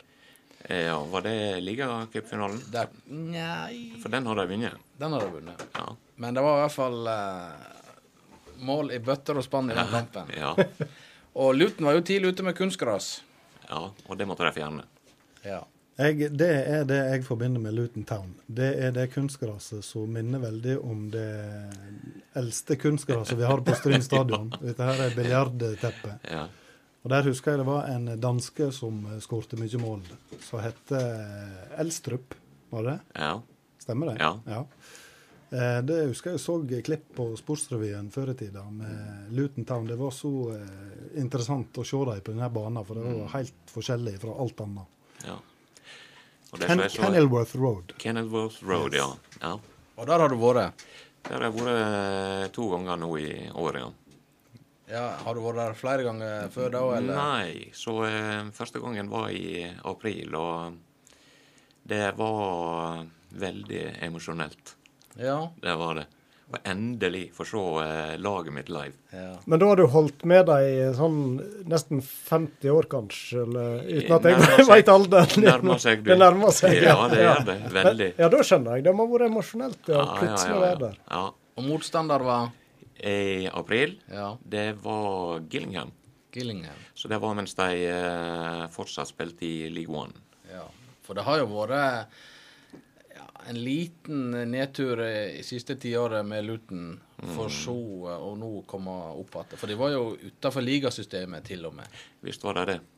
Og eh, fram til eh, ja, tidlig på 2000-tallet så var en vel utafor eh, Så var- spilte de i Conference League. Ja. Mm. Og Luton er vel Jeg las at det var én av fire klubber som har spilt på Alle fire nivå. Ja, Ja. Ja det er fem øverste, øverste Ja, fem nivå. Ja. Ja. Så Mm. det er nå en liten rekord å ta med seg. Ja. Men i all min uvitenhet, hva nivå er det vi snakker om nå? Nå er det championship. Ja. Ja. Mm. Og da snakker vi om nivå to, da, Jarand. Ja. Ja. Så da begynner det å bli litt løyen, da. Eh, ja. Nå, eh, det som gjenstår, det er å så prestere sånn at en eh, overlever første sesongen i championship igjen, i hvert fall. Ja. Mm. Hvordan ser det ut for øyeblikket? Jeg ligger rett over eh, nedrykk, ja. Det holder, det. Mm, ja, det holder foreløpig. Og det er to lag som eh, ser ut for at de kommer til å slite mer enn Luton, i hvert fall. Mm. Så får en se hva det tredje siste laget blir. Om det blir Luton eller det blir noen andre. Men du nevnte at du hadde vært enda en gang eh, å sette i nå. Mm. Tid det var? Det var nøyaktig 18 dager siden. 18 dager siden. Mm. Så da, da snakker vi om eh, at du har sett det i championship. Yes. Og da det, var motstander det var Bristol City. Og det ble en eh, 3-0-seier. Og da påførte de Bristol City sitt uh, andre tap for eh, sesongen. Det, det var solid. Er god, god, god, god timing. Ja, veldig bra timing. Det var en kjempegod fotballkamp. Det var det. Er det mye folk òg? Mye tilskuere på disse kampene? Der er smekkfullt, eh, og det tror jeg det har vært til og med tilbake i når en spilte i Conference League. Ja vel. Så Der de er trufast uh, tilhengerskare der? Der er ikke plass til mer enn 10 500. Oh, nei. nei. I norsk målestokk er jo det bra, da. Men Ja, ja, ja. i England Ja, er vel ikke det. Hvordan er det å få billetter til sånt? Du, det er sånn som i år, så uh, må en være på hugget. For de starta billettsalget 30 dager før eh, eh, kamp. Og da bør en helst være der nøyaktig på klokkeslettet den eh, dagen for å være sikker på å få tak i billett, i hvert fall. Så da sitter du klar med PC-en og Yes. røsker til deg? Ja. Reiser du alene, eller har du med deg noen? Eh, I april da eh, reiste jeg med to sønner. Og nå eh, sist for eh, bare 18 dager siden, da reiste jeg med min fru og yngste datter. Er de bitt av Luton-basillen nå, eller? Du, de har andre lag de holder med, men uh, de eh, likte det de Ja. Så det er litt hjernevasking på gang, da? Ikke hjernevasking, men uh, sånn uh, stilltiende supportere, tror jeg. Men jeg ser, Per, at du kommer uniformert uuniformert i kveld. Ja, jeg har skjerfet hjemme. Du har skjerf. Ja, du er det- ikke sånn så trer på deg drakt på en lørdag før kamp. Jeg tar på meg skjerfet, og det har jeg gjort to siste lørdagene òg. For eh, jeg har sett eh, kamp nå sist lørdag, og lørdagen derfor òg. Ja. For det får du kjøpt gjennom eh, eh, sida til Lutentown. Ja. Mm. Det er ikke mange medlemmer i norske klubben, så jeg. Nærmer seg 200. Ja. Ja. ja, ja, men det Har dere julebord og møtes når dere ikke er Nei, du, du, der er en fellestur som går i mars. Ja. Har du planer om den? Eh, jeg er for sent ute. Der er fullt. Men jeg har fått beskjed med en eh, annen kar da, som er enda mer blodfan enn meg. Han har sesongbillett. Om at det skal kunne ordne seg å eh, få en plass på den fellesturen. Men uh, jeg vet ikke, vi kan ikke overdrive dette her heller. Ja, da syns jeg du skal. Det kan jo være årets julegave, det. Ja. Ønske. Herved presentert på du reise. Jeg syns det er ganske sterkt når, du- når du ikke har vært her før, Mm. og så plutselig blir det i 2019 to turer nesten på rappen. Ja. Eh, Da virker det nesten som du er bitt av basillen litt på nytt. Eh, Er det litt sånn? Ja, faktisk. Ble du rett og slett småøsen etter første turen? Og... Ja, ikke bare småøsen. Veldig øsen. Men det storøsen. ja. Men det var løye. Ja. Det Jeg må jo si at jeg har jo sett eh, Luton Town i aksjon, Ja. faktisk. Live? Live, ja. På Anfield. Har du det? Ja, ja. Mot Liverpool, da? eller? Ja, ja. Jeg, Ja, okay. jeg lurer på om det var i Kanskje i 92. Luton leda 1-0 til det var til fire minutter. Nei. Nicky Tanner hadde skåra sjølmål. Den smått legendariske midtstopperen på Liverpool. Ja. Men det ble 2-1. Ja. Så det Ja, ja, ja. ja. Men, Det ordna seg til slutt. Det ordna seg. Nei, og så eh, var det jo det at eh, Det som gjorde det litt spesielt siste gangen, da, var eh, via han som jeg nevnte som hadde sesongbillett. Han eh, klarte å fikse oss inn i VIP-sona etter kampen. Og det var jo eh, eh, kjempestort. Ja. Det gjorde ikke interessen min for Luton noe mindre, akkurat. Nei. Og jeg fikk eh, både helse på kapteinen og på manager. Så Hvem hvem er manager i Luton? Eh, Graham Jones heter han. Ringer ingen bjeller. Det er jo ofte Han- tidligere spillere så Ja, ja, han har vært, men ikke innom eh, noen av Han har ikke spilt for noen av storklubbene. Mm. Han har vært inn og vært hjelpetrener eh, blant annet i Everton og okay. Swansea han vært. Mm. Mm. Men du får gå i fred i Stryn eh, en lørdags ettermiddag eh, om det skulle bli seier eller tap. Ja, det gjør jeg. Ja, det er ingen som Ingen som kommer med stikk til deg. Nei, nei, nei. nei. Nei, det går fint. Sånn sett er det jo fint. Det går, men det er, det er mange som vet at jeg er Luton-fan. Ja. Men eh, det er ikke så mange som føler med hvor det går med dem likevel. Hvem er den nærmeste Luton-fan? eh, Har du på en måte plassert den personen? Er det noen i Nordfjord, eller? Nei. Nei. Nei, det er ikke det. Så du er ganske aleine Nær, der. nærmeste jeg vet om, det er Stavanger. Oi! Ja vel. Ja. Nei, jeg, jeg vet det skal være noen i Volda og sånn, men jeg kjenner ikke dem. Nei. Det, går- det ryktes at det skal være noe. Eh, Ja, jeg har sett det på medlemslista. Ja vel. Ja. Men når du sitter og ser Luton på TV, Per, mm. blir du voldsomt engasjert? Ja, klart det. Er det det. omtrent som å være på Stryn stadion?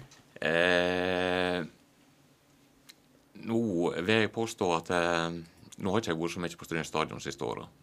Skulle sikkert ha vært mye mer, men det har rett og slett ikke passa. Mm. Eh, jeg vil alltid være en eh, blodfan av Stryn. Det vil jeg. Men lutene begynner å ta over, altså. Så er det. Ja. Jeg tenker at nå er vi, nå er vi godt inn i materien her, Ja, altså. ja. Og det er jo eh, utrolig bra. Men du er jo òg, Per, en, eh, en vil nå jeg sier, og en legendarisk eh, mann i oppmannsapparatet til Stryn. ja, tusen takk. Der, eh, der har du jo gjort deg bemerka. Ja, ja da. Så eh, der hører jo jeg eh, bare gode ord og mye sakn etter han eh, Per Eikenes. Ja, og det, det har vært kjekt å høre. Det har det. Det har det. Så det har vel vært Hvor mange år har du vært med Stryn? I Stryn fotball var jeg vel i 18 år.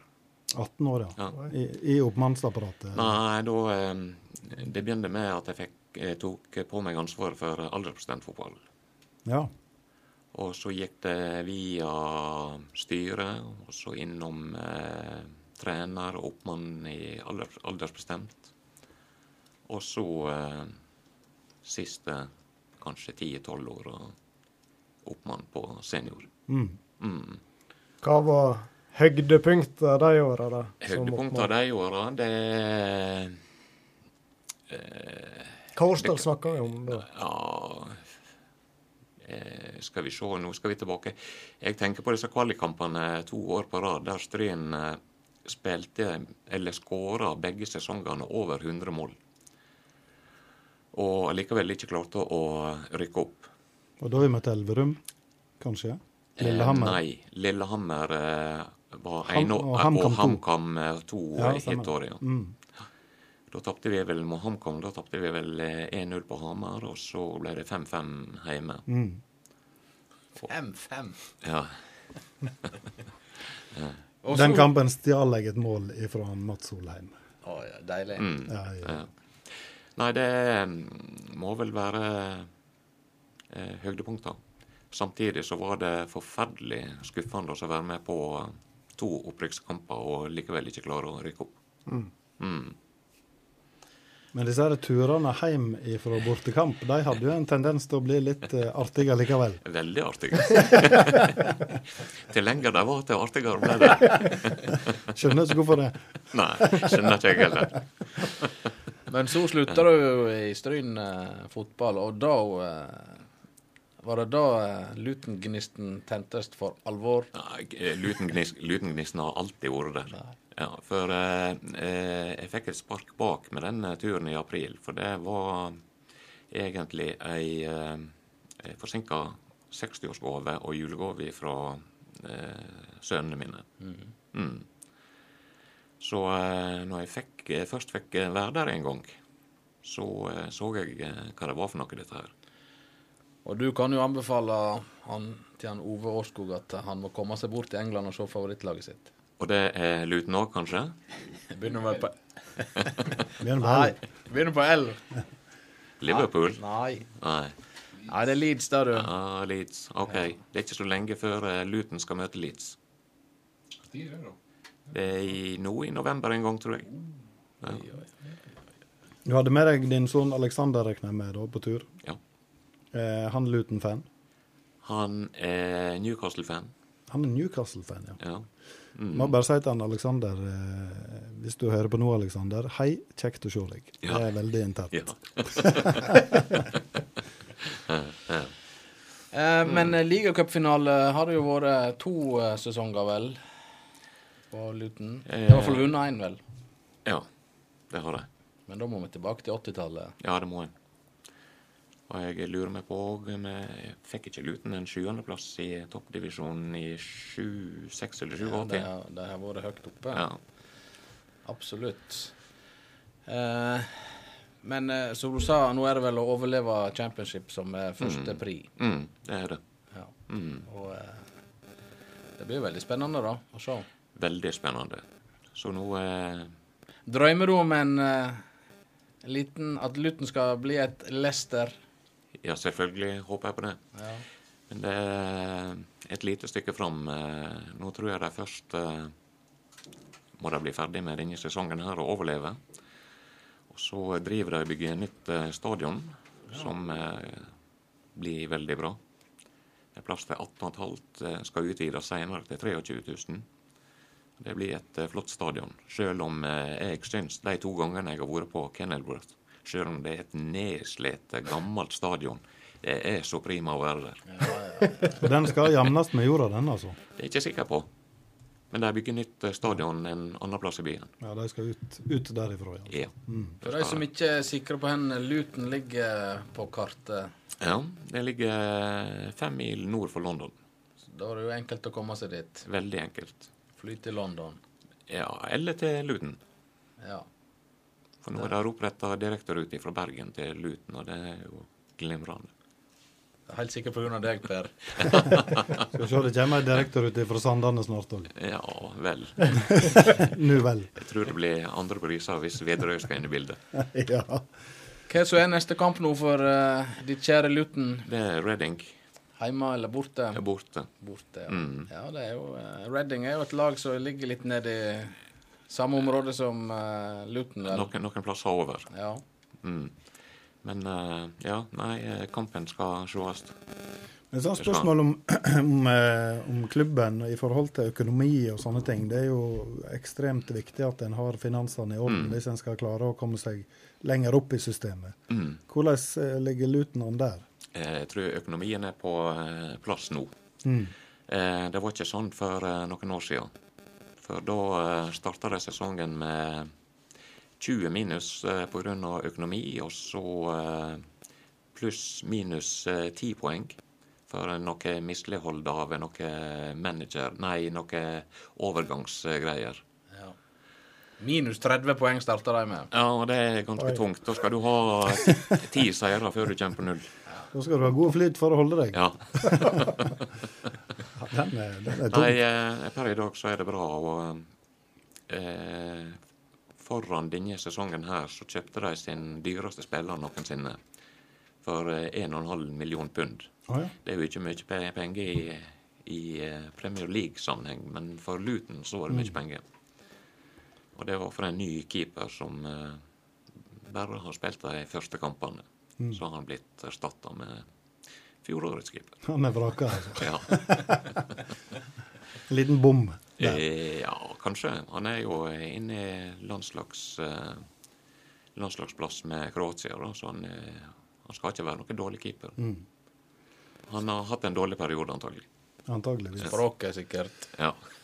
Men i løpet av disse eh, snart 50 åra, da, Per, hva, hva har liksom vært høydepunktet som du vil dra fram der det virkelig rocker rundt luten? Eh, det, jeg må si så eh, skikkelig har rocka rundt, rundt luten. Det må faktisk ha vært disse to kampene jeg har vært på nå. Så bra, da. ja. Så har du fått med deg dem, helt Ja, tilfeldigvis. For eh, det er slett ikke eh, så mange gangene gjennom eh, eh, den perioden jeg har fulgt med Luton, at Luton har spilt på høyt, så høyt nivå som de gjør nå. Nei. Så det Nei, den det halvåret jeg har vært gjennom nå, det har vært helt supert. Det høres ut så det blir noen turer framover. Håper det. Over der, ja. Håper ja, det. ja, ja. Så fjorårssesongen det var en opprykkssesong fra League One til Championship. Det var det. Ja. Og, da kom de, og da kom de direkte fra league 2. Ja. Ja, ja, det var to opprykk på rappen. Yes, Ja, ja. det var det. Så de spilte vel eh, rundt 30 kamper uten tap i fjor. OK, vant de League 1? Ja, det gjorde de. Så nå er målsettinga det er rett og slett å holde seg, da. Ja, Ja. det er det. Det er det. Da er han Per fornøyd. Ja. Du har ikke luten gardiner i stova og Luton-sengesett og Liten underbro. underbro. Nei, men jeg har luten sokker. Ja, ja, ja. Luta vegger. Ja. Da, Nei, men det, jeg jeg syns dette, her var- dette her var litt morsomt. ja, dette var Dette her er Dette var Kjekt å høre om noe annet enn Ja, ja, ja. Liverpool og Manchester United. Det, dette var et friskt pust, Per. Yes. Ja. Mm, absolutt. Spørs om det er luten jeg skal holde det. Jeg tror faktisk jeg kommer til å ha et øye med Luton Ja, det bør dere ha. det bør dere ha. Ja. For da kommer vi til å tenke på deg òg, vet du. Det fortjener det. For De har så langt i sesongen, så har ikke de vært utspilt en eneste kamp. Det har ikke de. Da gjenstår det vel bare å ønske Ramper det vi skal ønske lykke til? Iallfall Luton, da. Vi, jeg tror vi eh, går for Luton, jeg. Ja. Ja. Så får du heie det du vinner. Ja. ja. Kjekt å ha deg på besøk. ja kjekt å være her. Så eh, ønsker vi deg en god kveld eh, videre. Og så Takk. skal du få litt musikk med på veien, og du skal få ei T-skjorte òg, selvfølgelig. Mm. Så får du nå Kanskje du kan sitte i den og se kamper hvis du har skjerfet. Ja, Og og rette fargen, i hvert fall. det er rette fargen? Ja. men så bra. Takk til deg, Per. Yes, takk. Thomas ga om jul på angst, sikker bak baren og delte under varmelampa. Du hadde ikke kyssa noen siden Sitat, ord og uttrykk fra sportens verden som du nå får servert enten du vil eller ei, ved Frank Hol. I dag skal vi ta for oss et uttrykk som eh, står mitt hjerte voldsomt nær. Eh, et uttrykk jeg bruker Hva skjer med lyden? Deilig, små deilige tekniske problem. Skal lugge litt. ja, ja. Eh, et uttrykk som jeg sjøl bruker ofte. Så ofte jeg kan. Ma mate på. Eh, nei, det er 'bort i staur og vegger'. Ja. Det syns jeg er et godt uttrykk. Aldri hørt du har sagt det. Nei, eh, da har vi vært for lite i lag, Thomas. Det må vi gjøre noe med. Det er sant. Da må vi begynne å leke mer i lag på fritida. Det skal vi gjøre. Det er jo et veldig etablert uttrykk her omkring. ja. Det er det. Staur og vegger. Det er nå et, et godt kjent uttrykk, men akkurat om jeg har hørt han Frank bruke det, det Men iallfall så, eh, så trodde jo jeg òg at dette her var et uttrykk som stammer kanskje fra vårt nærområde en plass. Um, men um, Og så kan vi relatere det til idrett. Det, det hopper, vi, hopper vi over. Ja, men du kan Ja, da kan du. Ja, selvfølgelig kan vi det. Vi kan jo relatere alt til idrett. Men um, ja, det er jo mye idrett som er borti staur og vegger. og Det er jo ikke så Men, men altså, snakker vi her Altså, staur, det er staur.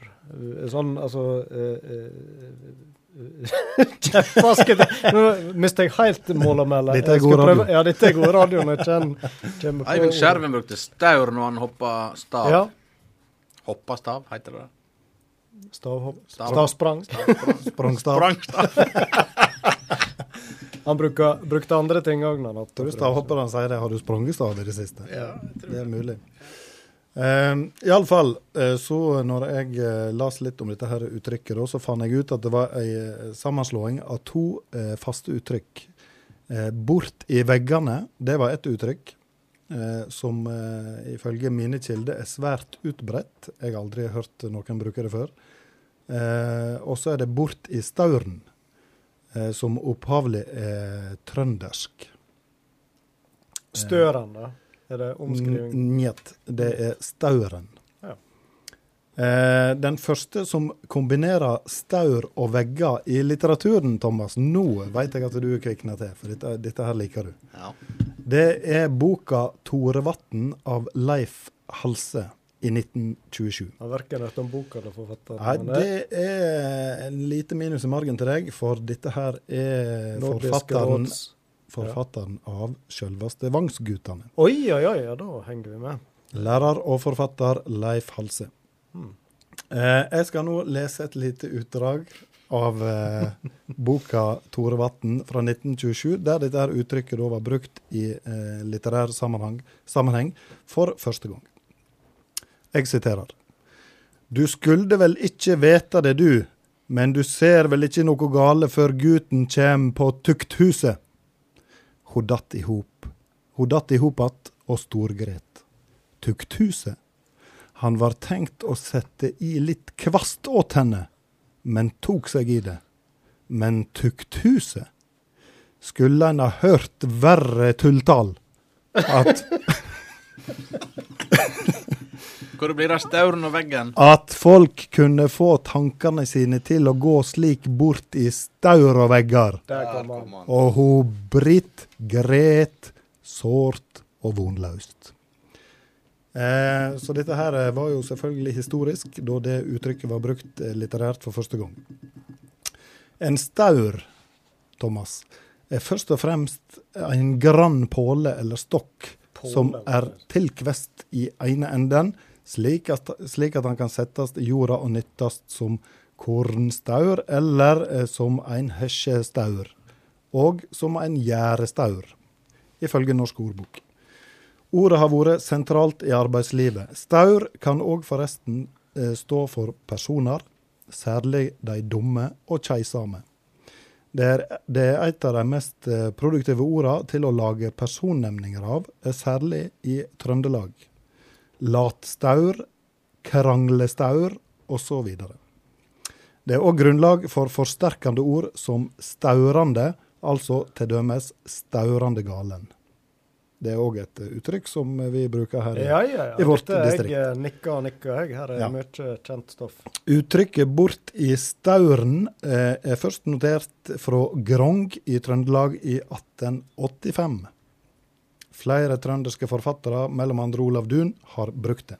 Jeg skjønner ikke hva jeg skal bort til veggene etter. Er liksom Så kommer. vi eh, til vegger. Ivar Aasen nevner alt i ordbok over det norske folkespråk eh, fra 1850. Eh, ordlaga 'det er reint burt i veggene'. Eh, altså da det er et eller annet som er altfor gale, eller at det går over alle grenser. Eh, veggene i grannlandet har òg vært vitne til mye tull, eh, jf. de danske ordlagene eh, 'snekke opp et stolpe og ned et vegge'. Eh, før, eh, Du har, vært, du har vært på Danacup, du, Er jeg. Det Yeah. heter- Dansken sitter som et skudd. Jeg husker da jeg var på Danacup, så lærte jeg meg et skikkelig skjellsord. Eh, Det var 'din helvetes flødeboll'. Flødeboll. Eh, det var nå det. Det er litt avsporing. Eh, poenget er at uttrykket er gammelt i hele Norden, eh, men eh, bruken i Norge skiller seg ut. Og konklusjonen eh, for dette uttrykket 'bort i staur og vegger', det er at det er et knakende godt og heilnorsk uttrykk. Absolutt. Veldig bra. Og skal vi relatere til sport, så kan det jo være en som skyter et skudd langt utenfor mål. Så er det jo helt riktig å si at uh, dette gikk bort i staur og vegger. Kanskje det. Det, det kan en så definitivt. Ja. Det kan en gjøre om alle dårlige prestasjon, prestasjoner på ei idrettsbane. Ja, og han var en staur, han som skjøt. Ja. Ikke en vegg. Nei. det tror jeg vi, da tror jeg vi Dette var nå en av de mer grundige gjennomgående. Dette syns jeg var og veldig flott presentert. Dette Syns jeg var opplysende. Språkfors- Språkforsker Hol. Oi, han har steget gradene. Det er ikke lektor lenger. Ai, ai, ai. Språkforsker Hol. Tusen takk, Frank, igjen for at du beriker oss med din eh, enorme språkkunnskap. Enten du er noen lektor eller språkforsker, det kan vi nå kimes om. Men eh. Nå vil han eh, Ove hjem igjen. ja, vi må nå ha en konkurranse. Sundemann. Jeg veit ikke fram eller bak på en ball, men sport og spas, da har jeg sansen for. Sport og spas, prat og fjas, moro. Dette her er grådig stas. Sann. Ja, ja. Stort og snaut. Ingen, uh, ingenting for lite, ingenting for stort. Nei, altså, Spartans pass, det er jo å få teoriene teorien i praksis, ikke sant? Altså, du har de beste folkene på de beste plassene. Um, vi skal nå um, Nå har jeg altså en drops i munnen. Jeg må bare litt øyeblikk. Spartans pass er helt konge.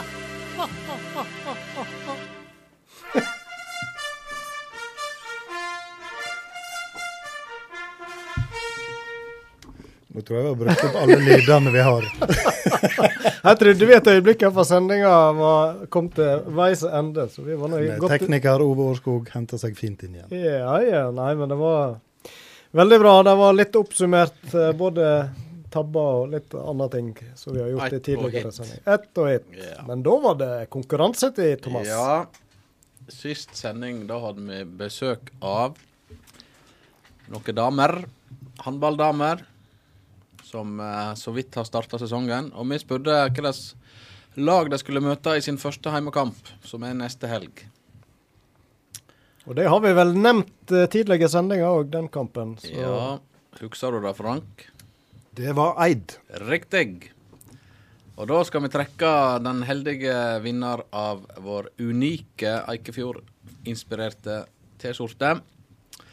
Og hvem som trakk sist, er jeg jammen ikke sikker på. det var han Frank, det kan du være helt sikker på ble notert. Så eh, jeg er Så klar. da skal, du, Frank, da skal du, Frank, enda en gang, da. Nei, nei, nei. nei, nei. Dette må se- fordeles. Ja, nå må du rote godt nedi her. ja. Oi, oi, oi. Her var det noen som var Ja, ja, ja, ja. Der. Der. Nå er vi alle grådig spente. Ja. Og da skal vi se. Denne skrifta, da. Det var det. Eh, jo, Sindre. Ja, og så var det et eller annet Hartvigsen, tror jeg iallfall det. Men eh, det var nå et mellomnavn òg. ja, det var det. Det var Sindre Benteke Hartvigsen. Benteke. Ja, ja, ja. Han- Beklager at jeg ikke Han kjenner eh, har en Crystal Palace-drakt med Benteke på ryggen. Der har du det. En blodfan på gang. Det kan jeg vel avkrefte. Den er grei. Ja. Gratulerer iallfall, Sindre Benteke Hartvigsen. Benteke. Ja. Da må du, Edvard Hartvigsen, ta med deg ei T-skjorte i bussen opp til Trondheim ved første høve. Har vi Da- ny konkurranse til uh, Ja, vi har en eh, sending. ny konkurranse. Og nå uh, kom jeg på denne lappen som Ove ga til meg. Det er sleng på gavekort på bingoblokker, så du skal få bingoblokker òg, Sindre. Ai, ai, ai, ai.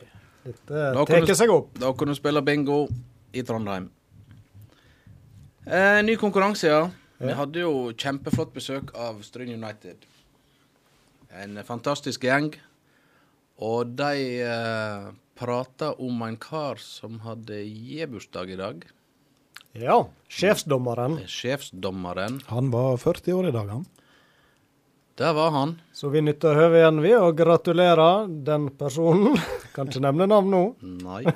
Men vi vil vite hva heter denne Klovnen på laget var vel han òg Ja, han var som. klovn, han er dommer, han er alt mulig mann. Vært med fra starten. Jepp. 40 år i dag. Vi vil ha navnet på vedkommende. Send inn svaret ditt på Messenger til Sportens Spas. Du har 14 dager på deg. Holder det med fornavnet? Jeg vet ikke om etternavnet var nevnt. Fornavnet er mer enn godt nok. Da kan vi vel røpe at han har dobbelt fornavn. Det har han. Nå kan ikke vi si mer. Nei. Ja, det kan vi, men vi gjør ikke det. Nå vil en hjem igjen. Nå, Nå er nå det kan du si. Nå er han Ove hjemme igjen. Ja. Men så er det litt viktig. Neste sending, den, eh, der blir en liten vri. Den kommer ikke på en onsdag, så da uh, håper jeg uh, det går bra, Thomas og Frank. Dere har mulighet til å stille på tirsdag 19., dere vel? Ja. Der tok vi en sjefsgjørsle Må på direkten. Så da blir det sending eh, tirsdag den eh, 19. november, ikke onsdag akkurat den veka. Så, eh, men det kommer vi tilbake igjen til seinere. Vi takker iallfall for dagens sending, og eh, gjentar de flotte gjestene som vi hadde med oss. Det var jo han eh, Mats Olheim som var med på telefon fra Sverige. Så hadde vi besøk av hun Heidi Holmlund. Vi hadde Stryn United, og der var han Jon Os og han Thomas og han Inge. Og så hadde vi til slutt der blodfan Luton Town, Per Eikenes. Ai, ai. Ai, ai, ai. Vi takker vår eminente tekniker Ove André Årskog for stødig hånd. Og så sier jeg takk til deg på min venstre side. Thomas Hol. Og på min høyre side. Ginny Vinaldum. Ja. Og i midten Roy Aron Myklebust. Ha en god kveld videre. Hei, hei. Hei. Hei, hei, hei,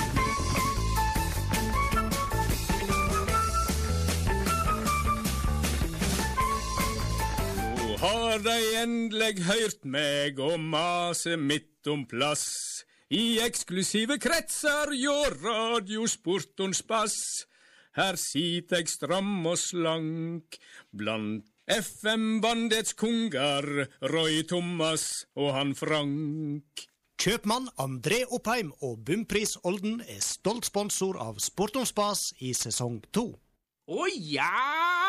Jeg hører på Radio Stryne.